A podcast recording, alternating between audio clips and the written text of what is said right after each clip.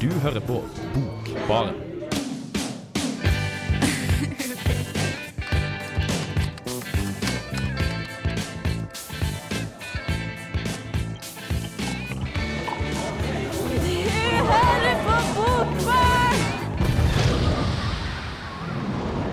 Hei, du hører på Bokbaren. Takk for sist til dem som pleier å høre på, og velkommen inn. Ta dere jakka, ikke vær redd til alle nye.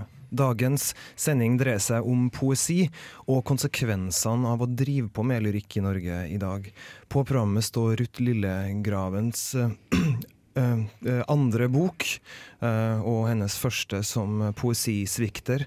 eh, Savako Nakayasu eh, sin, sine nye oversatte dikt til norsk i oktober sin gjendiktningsserie. Og sist, men ikke minst, en anmeldelse av en klassiker, Norges eneste sci-fi-dikt, så vidt eh, jeg vet i hvert fall. Øyvind Rimbereids eh, sitt 'Solaris' korrigert.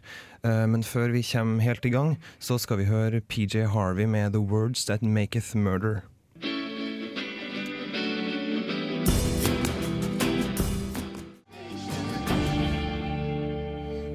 Der fikk du PJ Harvey med 'The Word That Maketh Murder' fra nyplata hennes.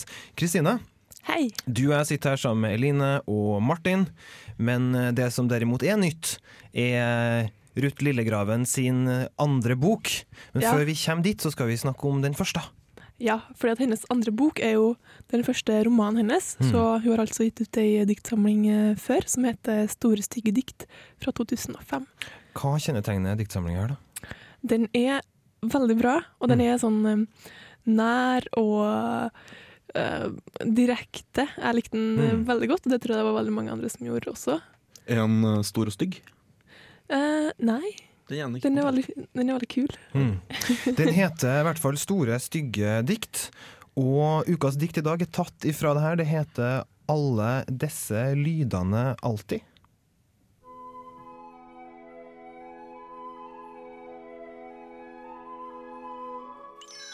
Ukas dikt. All herre lydene alltid. Lyden av en roman som blir åpna, er min lyd. Ikke ulik lyden av melkekartongen som blir bretta opp og bøyd tilbake. Sånn som kvinner verden over blir bretta opp og bøyd tilbake. Men òg klirringa av vinglass i en båt idet Nesoddferga passerer. Og den demonstrative dunkinga av ei dokumentmappe inntil et trappegelender og knaset av en mobiltelefon som går i gulvet sprer forsidedeksel, baksidedeksel og tastatur rundt seg. Enda en gang blir liggende naken og ydmyka. er min lyd. Og klikkinga fra et kamera og lyden av nattoget som skumper seg forbi Nesbyen og videre gjennom resten av Hallingdalen. Det anstrengte knirket fra klokkeviseren på venterommet på Voss som bikker ni på seks. Svusjet av et rødt og et blått akebrett og to kjeledressrumper nedover ei låvbru. Rumlinga av snø som rakner og regner vekk. Gjenklangen av alle som har pussa tennene på det gamle badet, har gnikka og gurgla og spytta og skylt i sandvasken. Knekket av kabelen til laptopen som blir klemt i soveromsdøra. Suset av PC-vifta som slår seg på oppe i samme sekund som kjøleskapsvifta slår seg av nede, og dermed skaper et ubevisst vaktskifte viftene imellom. Knurringa av aggregatet som holder flomlysene på kirkegården i gang. Pistringa av en bitter, uforløst storm som ikke klarer å resignere, Den pistrer og puster og pirker rundt hushjørnet. Og gjenkveldet av en gammel pipebrann som dasker opp etter innerveggene på pipa, som kaster ormetunga ut spjælet. Alt mens mange generasjoner søvnløse snur seg i sangene sine og sukker. Alt det her er òg mine lyder. This is Alan Moore, and you're listening to The Book Bar.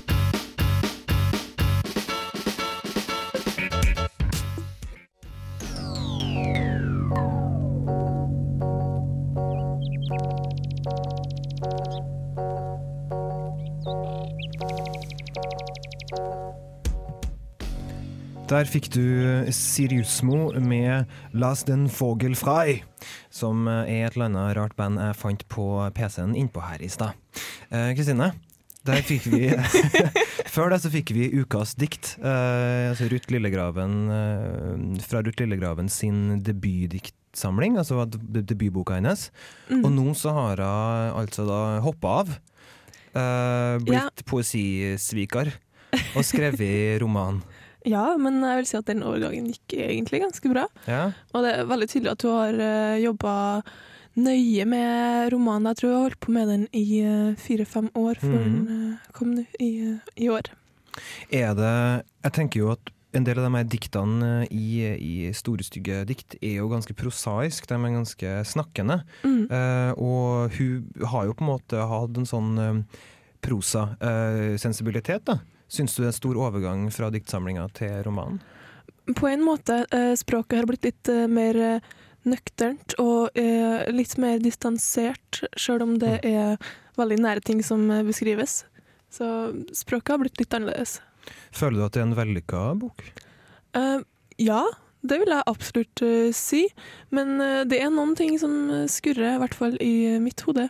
Så jeg er ikke helt sikker på hva det er for noe. Men jeg er ikke noe sånn superimponert. Men eh, ja. Nei, altså det her er jo en vanskelig overgang hvis en poet skal skrive uh, på en måte en, en roman, og man synes som en like, like førsteboka godt, ikke sant? Og det, så er det jo problematisk å, uh, å, å få til en sånn overgang i alle fall. Noe av kritikken på denne boka har jo kanskje vært at det er kanskje litt mye, at det er litt sånn overlessa og sånn. Men jeg er veldig spent på å høre hva du mener om den, så det skal vi få vite nå. Ruth Lillegravens første roman heter 'Mellom oss'. Gul og fin med et bilde av ei naken dame på framsida. Kun sandaler på vei opp en knaus. Det er Tonjes bestemor Dagny, foreviga av Tonjes bestefar Jakob. De to ble kjent da de begge jobba i ei motstandsgruppe i Oslo under okkupasjonen av Norge. Jakob blir sendt til en fangeleir i Tyskland, men overlever og gifter seg med Dagny. Sammen får de sønnen Svein, men når han er 25 år, reiser han til Chile og kommer aldri tilbake. I Oslo er kjæresten hans Ranveig gravid. Hun får Tonje. Ranveig jobber mye, og Tonje vokser opp hos Dagny og Jakob. Etterpå gikk han innom et postkontor og sendte brevet til Ranveig. Det han hadde brukt halve natta på. Han hadde vært tydelig, så hun ikke kunne misforstå. Det kunne ikke bli noe mer mellom de, barn eller ei. Det han ikke hadde skrevet, var at han lurte på å ta en tur hjem etter Peru for å se ungen. Noen kremtet bak ham. Han snur seg. En vever og smal jente med langt blondt hår og nakne, tynne armer. Det lyser av henne. Kan jeg sitte her, spør hun og legger hendene på ryggstøa til benken. Selvsagt, sier han. Jeg heter Svein, forresten, legger han til og rekker ut handa. Karen, sier hun. Tre generasjoner familiehistorie med hemmeligheter og fortielser rulles opp. Hvorfor har ting blitt sånn?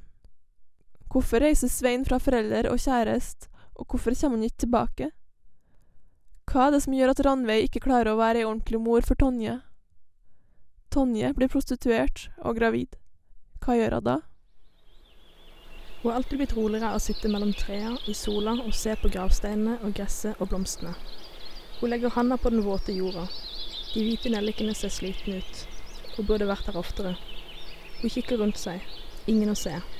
Så legger hun seg på kne og legger kinnet ned mot den hardpakka jorda, som er fuktig og varm mot huden hennes. Vær så snill, hjelp meg, sier hun. Hun hører ingenting. Ingenting skjer. Det kommer ingen stemmer, ingen tegn, men når hun reiser seg, børster jorda av den hvite linbuksa og T-skjorta, har hun bestemt seg. Familie, røtter, flytt til bygda for å finne sammen og finne seg sjøl. Ikke nye tema, men det gjør ikke at det ikke kan gjøres på en spennende og god måte. Fletta sammen, med litt innsyn her og litt der, får vi etter hvert et helt nett av fortellinger som sammen ender opp på et høyfjellshotell med spesiell arkitektur på Vestlandet. Lillegraven har laga gjennomført, nøktern og kontrollert historie. Jeg personlig har ikke så mye til overs for hvordan historien slutter, i og med at jeg syns at pessimisme er bedre enn håp i siste kapittel. Sentimental, ja, men det er sånn det skal være med en historie om det som er vanskelig å bære med seg for en hel familie. Vil du ha kaffe? sier hun og kikker bort på farfaren bak avisa. Ja takk, sier han. Hun reiser seg, går ut på kjøkkenet. Her er det lite trangt, og taket er så lavt at hun nesten stanger oppi. Det knirker i gulvet når hun går over det. Hele huset er skakt og skeivt og lavt. Som oftest liker hun det, tror at det har sin egen sjarm, men i dag kjennes det så trangt. Alle disse gamle tinga, alt rot i skuffer og skap og kriker og kroker. Det er nesten ikke plass til å puste. Kanskje var det derfor modernismen alltid hadde tiltalt henne slik. Det rene, åpenbare gjennomsiktige, logiske, det lyse og luftige. Kanskje likte hun det så godt fordi hun aldri klarte å leve slik selv. Aldri klarte å skape sånne rom. På en måte er hun nærmere nå enn før, trass i knirkinga og det lave taket. Hun har dette tynnhudede, vesle barnet som sover og sover, og den gamle mannen og den gamle hunden, og snøen som faller og faller, og de hvite bakkene og de trygge, uforanderlige fjellene og den gråsvarte fjorden der nede.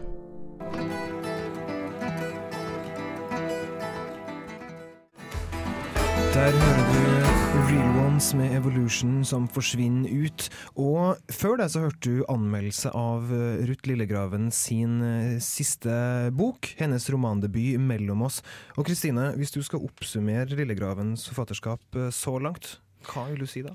Jeg vil si at uh, Mellom oss den er ikke like vellykka, for den er ikke like formfullendt som uh, diktsamlinga Store stygge dikt uh, var. Um, den uh, denne diktsamlinga hennes den var roere og mer direkte og ærlig. Og på en måte så er romanen mer poetisk uh, enn uh, diktsamlinga. Så Jeg skjønner. Nå trodde jeg at du sa liksom, når du sa tittelen på boka, så tenkte jeg at du sa sånn 'mellom deg og meg', altså 'mellom oss'. mellom oss, syns jeg. Uh, ja, ja. Men eh, ja. Flott. Uh, der, altså. Uh, poet som har blitt romanforfatter. Vi skal hoppe videre til en japaner, Martin. Nei. Nei. En amerikaner. En amerikaner. Eh, Ja, for vi snakka jo om dette her. Ja, Det er jo eh, ikke så utspekulert japansk. Det er jo ikke det. Det er veldig klart at det er en amerikansk lyrikktradisjon som det sentreres rundt i boka 'Teksturnotater', som er skrevet av Sawako Nakayasu. Mhm. Hun er vel for så vidt født i Japan, tror jeg, eh, men hun flytta vel til USA da hun var seks. Japanske foreldre, eh, som så mange andre i, langs kysten i eh, USA. Ja. Du har laga en, eh, en anmeldelse Ja. av denne boka. Jeg tror vi skal slenge på den kanskje med det samme. Så skal vi komme tilbake og snakke litt om den serien denne boka er en del av. En bunke, en avsetning, en ansamling av mer enn én slags tiltro. Å lære seg å sove på ryggen uten frykt for at en stor gjenstand med skarpe kanter som en bokhylle eller en parkbenk eller en diger murstein skal lande på magen min mens jeg ligger og sover. Å stå og måpe av forbløffelse uten frykt for at en bestemt sort edderkopp skal krabbe inn og legge egg og føre til at en mystisk sykdom viser seg i halsen min når syv år er gått. Å slippe hunden ut av porten i tiltro til at den vet hvor den skal gå når den blir sulten, fryser eller føler seg ensom. Sånn høres et av diktene fra Teksturnotata ut. Boka er nylig utgitt på Oktobers gjendiktningsserie og er skrevet av den amerikanske dikteren Sawako Nakayasu. Og det er egentlig alt jeg har å si. For det som er irriterende med å skulle anmelde ei bok fra Oktobers gjendiktningsserie, er at halve jobben allerede er gjort for deg. For det første har Rune Kristiansen, som redaktør for serien, alltid skrevet et etterord til boka som egentlig gjør det fullstendig unødvendig å analysere. Teksturnotater har han f.eks. beskrevet som en ikke-lineær dagbok og en systematisering av tidsbrudd, noe som er presist formulerte definisjoner på boka sine formelle kvaliteter. Og da han i tillegg har fått med seg at dette rotet medfører en evig nåtidighet som gir boka et eksepsjonelt perspektiv på sine egne observasjoner av bitte små øyeblikk, ja, da er det ikke så mye igjen for meg å si. I tillegg er Oktobers gjendiktningsserie alltid forbilledlig omsatt til norsk. Noe som gjør at man har visse forventninger til Knut Johansens arbeid med denne boka. Men selvfølgelig innfrir den. Så da er det egentlig ikke noe jeg kunne plukke på her heller. Jeg kunne kanskje sagt at det er så bra at det er kjedelig, men det kan jeg heller ikke. Rett og slett fordi det er dritbra. Jeg digger denne boka. Jeg Så faen. Vi tar enda et dikt. Maurstore gjenstander i den rekkefølgen de blir mottatt. Maur, mikroskip, heftestift, furunål, smilehull, grus, maurens tvilling, en modell av mauren i skala 1 til 1, nok en maur av samme størrelse, støv, brødsmule, negl, brødsmule, heftestift, sennepsfrø, bokstaven I satt i tolvte punkt, lillefingerneglen til en baby på fem måneder, jeg ser på den akkurat nå, timeviseren på armbåndsuret mitt, dataskip, en maur, en plombe som har løsnet fra en tann, en maur, et ord printet ut på lerretspapir som tilfeldigvis er på størrelse med en maur, en mikrofilmkopi av ensemblet i en fryktelig oppsetning av Thornton Wilders Or Town i Wisconsin, baksiden på en øredobb, tastene på mobilen min, Boblene i mineralvann med kullsyre, heftestift, øredobb, tann, bokstaven A, bokstaven N, avhøvlet hornhud, ørlite glasskår, brilleskrue, avrevet neglebånd, negleavklipp, kjønnshår på avveier, En protozoar, lell din mystikk. Jeg legger alt sammen i en glasskrukke. Jeg stikker hånden nedi, og maurene går fra sans og samling. Bokbarn. Bokbarn. Bokbarn. Bokbarn. Bokbarn.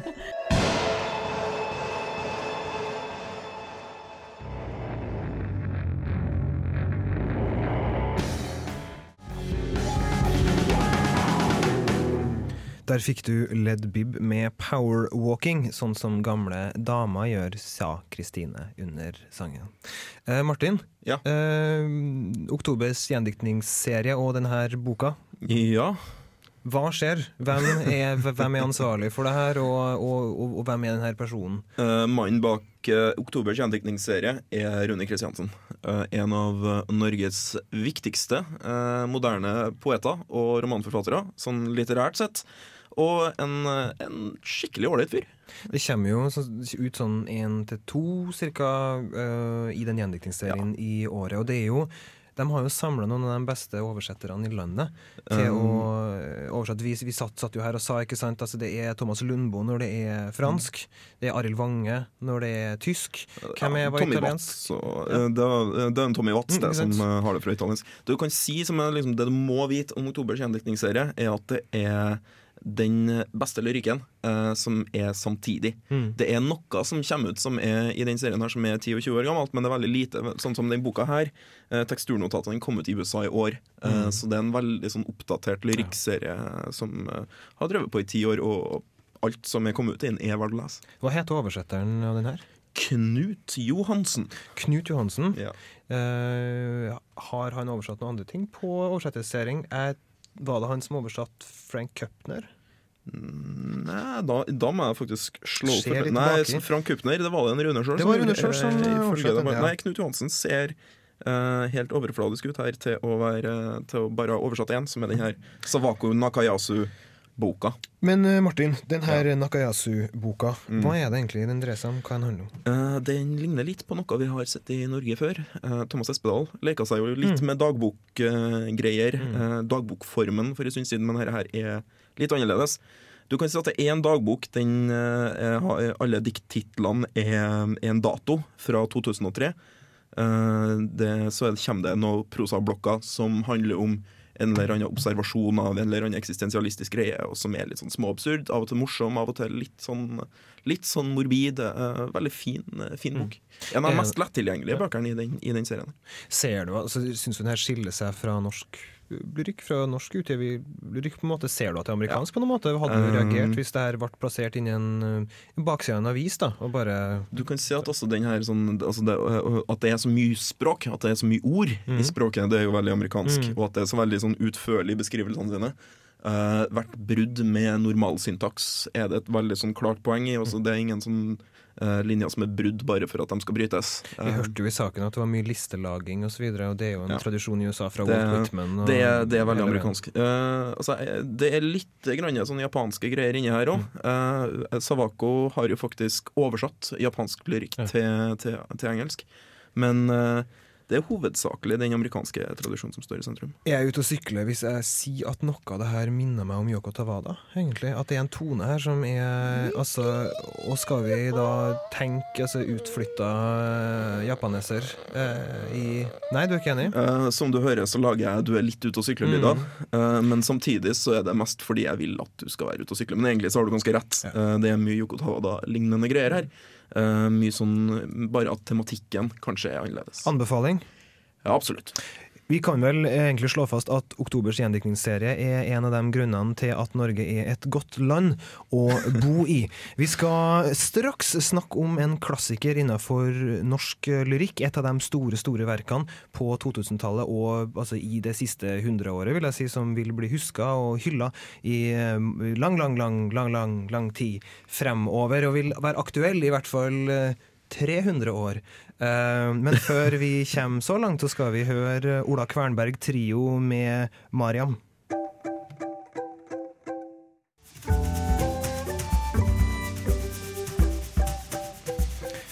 Der hører du Ola Kvernberg trio med Mariam.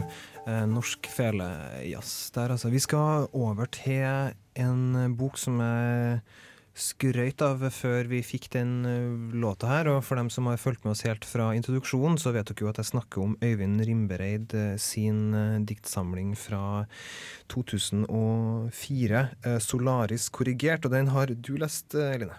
Det har jeg. Og det er flere som liker den, da. Jeg syns jo også den var kjempefin. Men uh, den har fått litt priser og sånn. Mhm. Den har fått Kritikerprisen. Den fikk den jo allerede i 2004, Ja. når den kom ut. Uh, for beste skjønnlitterær utgivelse, da. Det er jo denne boka sier at den kommer jo midt i på en måte uh, Rimreid sitt uh, nye Altså Han holdt på med en del ting på 90-tallet, og så skifta han litt kurs. Og begynte med uh, I 2000 så kom han ut med sene topografier. Og så i 2001 så var det Trådreiser. Ja. Og så kom Solaris korrigert. Så her er jo en sånn serie av litt sånn eh, Kan du forklare hvordan omslaget ser ut? Ja, det er jo eh, det, Du skjønner jo omslaget etter du har lest mm. Boka, da. Eh, For det er et kart her. Og, og med masse sånn forskjellige ja, masse fjell og masse navn, men når du begynner å se litt nøyere etter, så er det jo faktisk Norge og, og Sverige og ja, Nord-Europa, i hvert fall, som er her. Mhm. Eh, og det som er artig, er jo da at eh, kjente navn som Stavanger har fått eh, en liten twist. Det er f.eks. Stavanger Sand har, har Rimbereid kalt det her. Da. Så, så det, er, det er jo en, en annerledes twist på det. Han, altså de her, de her tre uh, bøkene da, uh, som vi nevnte nå, er jo på en måte uh, Han diskuterer jo geografi en del i dem, altså utvikling, en del økologiske spørsmål, topografiske ting. Altså ting som har med plass å gjøre, da, mennesker og plass. Uh, og, og i 'Solarisk korrigert så er jo i hvert fall første del av den uh, er jo på en måte et sci-fi-dikt. Ja, det er veldig fint. Eh, det er jo det som tar mest plass i denne boka, Mm. absolutt. da. Det er jo eh, nesten halve boka. Um, og, og det er derf også derfra boka har fått tittelen sin fra. Mm. Um, og det er jo framtidsretta, altså. Og handler om eh, Det er vel i ja, Jeg sier det senere her, men jeg tror det var 2148 eller Ja. noe sånt. Det var mm, det, Tida er lagt, det. Mm. Og det er veldig fascinerende hvordan eh, ja, du får litt innblikk i hvordan samfunnet og menneskene har forandra seg. Mm. Det skal jeg jo si nærmere om etterpå. Vi vil jo for så vidt være levende, eh, forhåpentligvis. Ja. Jeg tror noen av oss i hvert fall vil være, eh, vil være levende. I 2148. Nei, 148! Ja, Ja, ja. det er det, ja. Ja. Ja, men kanskje vi vil være levende. Det, altså, det er en veldig tenker, spennende tanke. i hvert Det er jo en debatt vi muligens skal ta etter sending. eh, kan gå og spørre uillustrert eh, vitenskap. Nei, men du, det blir noe annet, Kristine. For du på en måte lagrer bevisstheten din i datamaskiner og sånn, og så, og så får okay, du bare Du er et sånt Men, limbo men med vil det bli deg? Vil du få med sjela di? Det er jo det essensen av deg. Ja, eller vil det altså- bare være en kopi? Det er jo mange svar på det spørsmålet. Har du ikke sett litt for mye Futurama? Nei da, altså det her, det her, er, da, det her er da et stykke på vei osv. Men som jeg sier, uh, uillustrert vitenskap. Eller vi kan ta det her på uh, bakrommet seinere. Vi kan uh, høre på, høre på, høre på hva du syns med boka. For jeg veit existen of world. Hvor kommer den knowledge fra? Den kommer fra orden skinn, skinnsmerts og skinnglåden, skinn drags us out of orden self, og mot other humans. Robots er ne skild out, fra other de ne blivt born. Ne skinn skild fra skinn. De havne smerts og ne hunger. Og difor ne knowledge. Verden er i oppløsning. Språket er et virvar av bl.a. dialekt, engelsk og norrønt. Og vår fortellerstemme har kommandoen over 123 robotarbeidere. I diktet 'Solaris korrigert' presenterer Øyvind Rimbereid oss for en framtid prega av avansert teknologi, globale samfunn og ikke minst en dyster apokalypsestemning formidla av fortellerstemmen, som reflekterer over den mekaniserte verden han er en del av. Som leser er det lett å fascineres av denne type hypermoderne framtidsvisjon, samtidig som denne fascinasjonen finner en kontrast i fortellerens eksistensielle undring, som røper en lengsel mot det mer menneskelige, naturen og en utrygghet med tanke på fremtida. Rimbereid skaper dermed en fortellerstemme vi kan tro på og identifisere oss med, noe som er med på å gi diktet mer dybde, da så mye annet er fjernt og fremtidsretta. Hovedpersonen er ingen rebell eller superhelt, kun en arbeider som skal flytte fra sitt hjemsted, byområdet Organic 146, og til Seifa Botn, kalt Solaris. Gå under, gå ned, gå i jord, With all what we have of knowledge. Der ned, der skal all for human være. De sies, ja, vi kan master dette, de sies. Og must de forprova dette. Om vi ne skal enda her opp, under danger himmel, som historisk skugger. Enda mer menneskelig og nært blir det når diktet avsluttes med at hovedpersonen tar heisen ned til det som skal være redninga, Seifa-botn, og han blir stilt ovenfor spørsmålet om han tror på Gud. Hovedpersonen svarer at han tror på en gud som gjør mange feil, og det her samsvarer med den nervøse, undrende og litt dunkle stemninga i diktet. I tillegg til titteldiktet 'Solaris korrigert' inneholder boka også andre uavhengige dikt. Her finner man også, men kanskje ikke i like stor grad, futurisme og, og utradisjonelt språk, og samspillet mellom menneske og samfunn. Men selv om tema som vi introduseres for i diktet 'Solaris korrigert', videreføres i de to andre delene av boka, syns jeg mange av de her diktene bleikner i forhold til titteldiktet, og jeg sitter igjen med en følelse av at jeg heller ville ha lest mer om Solaris enn en del av de små diktene på slutten. Alternativt skulle Solaris korrigert ha fått stått for seg sjøl, for det tar stor plass både form- og innholdsmessig, og er nok uansett det leseren sitter igjen med de største inntrykkene fra. Ja, hallo, ja, du. Trondheims eh, vakre fjell og Nidelv ja, Det er Tore Renberg her. Dette er studentradioen i Trondheim, og du er jævlig heldig som hører på den.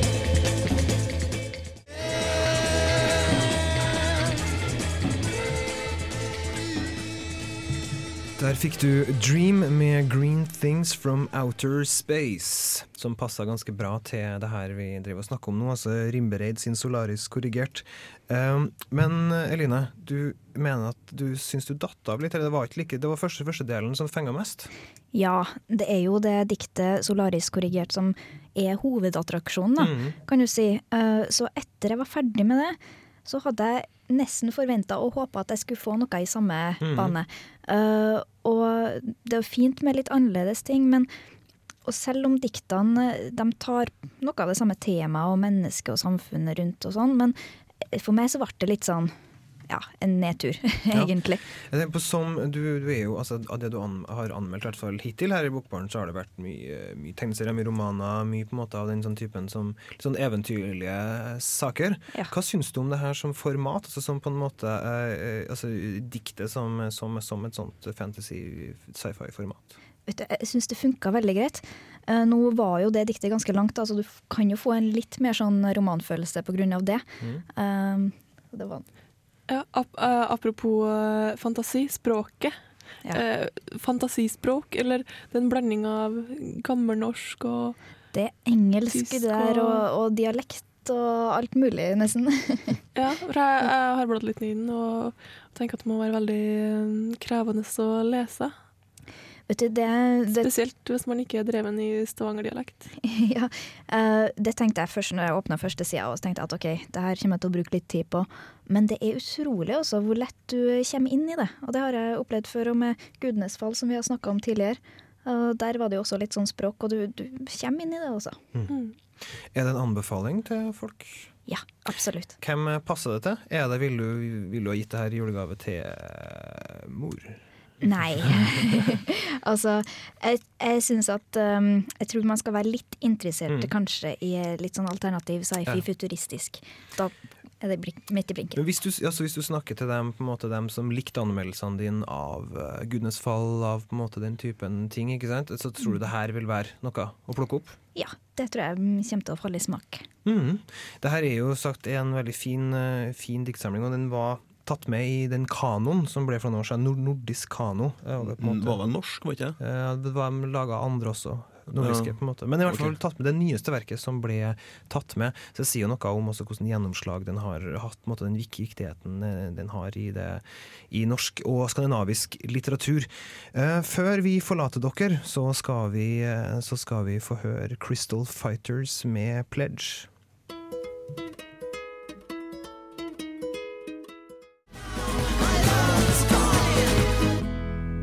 Crystal Fighters der, altså, med Plage. Mitt nye favorittband, i hvert fall denne uka. De er spansk og veldig, veldig artig. Det er ikke en eneste dårlig sang på den siste plata deres. Så vet dere det. Eh, I dag så har vi snakka hovedsakelig om poesi og de eh, tingene som har med poesi å gjøre. Vi har vært innom Ruth Lillegraven eh, sin eh, romandebut, hennes andre bok. Eh, og den fikk en sånn uh, OK tommel. Gjorde den det, Kristine? Ja. Ja, Halvveis tommel, grei tommel. Ja, sånn bob-bob. Ikke sant? Sånn må det jo være eh, av og til. Og til å være romandebut, så er jo det kanskje bra i seg selv, når du var likt førsteboka første hennes så godt. Mm. Eline har fortalt oss litt om Solaris korrigert, Norges eneste sci-fi-diktsamling, sier jeg da. Ja. Eh, og det ble en anbefaling. Det er to tomler, i hvert fall. Flott. Neste uke så er det damesending. Eh, Det er jo 8. mars vi har eh, sending da, så da skal det være Anna Kleiva sin nye diktsamling, debut på oktober. Det skal være Anne Waldman, den gamle amerikanske eh, dama, og Monica Osprong eh, sin bok eh, eh, et skrevet barn Ja, det finner vi ut av neste gang. De som har vært med og laga sendinga i dag, er meg, Mathias Samuelsen, Eline Bjerkan, Kristine Fredriksen og Martin Ingebrigtsen. Og teknisk eh, eh, Teknisk, ja, teknisk sjef i Bokbarn har vært Arne By. Her skal du få Lars Fremmerli med 'Quiet Hole'. Vi ses neste tirsdag. Thank you.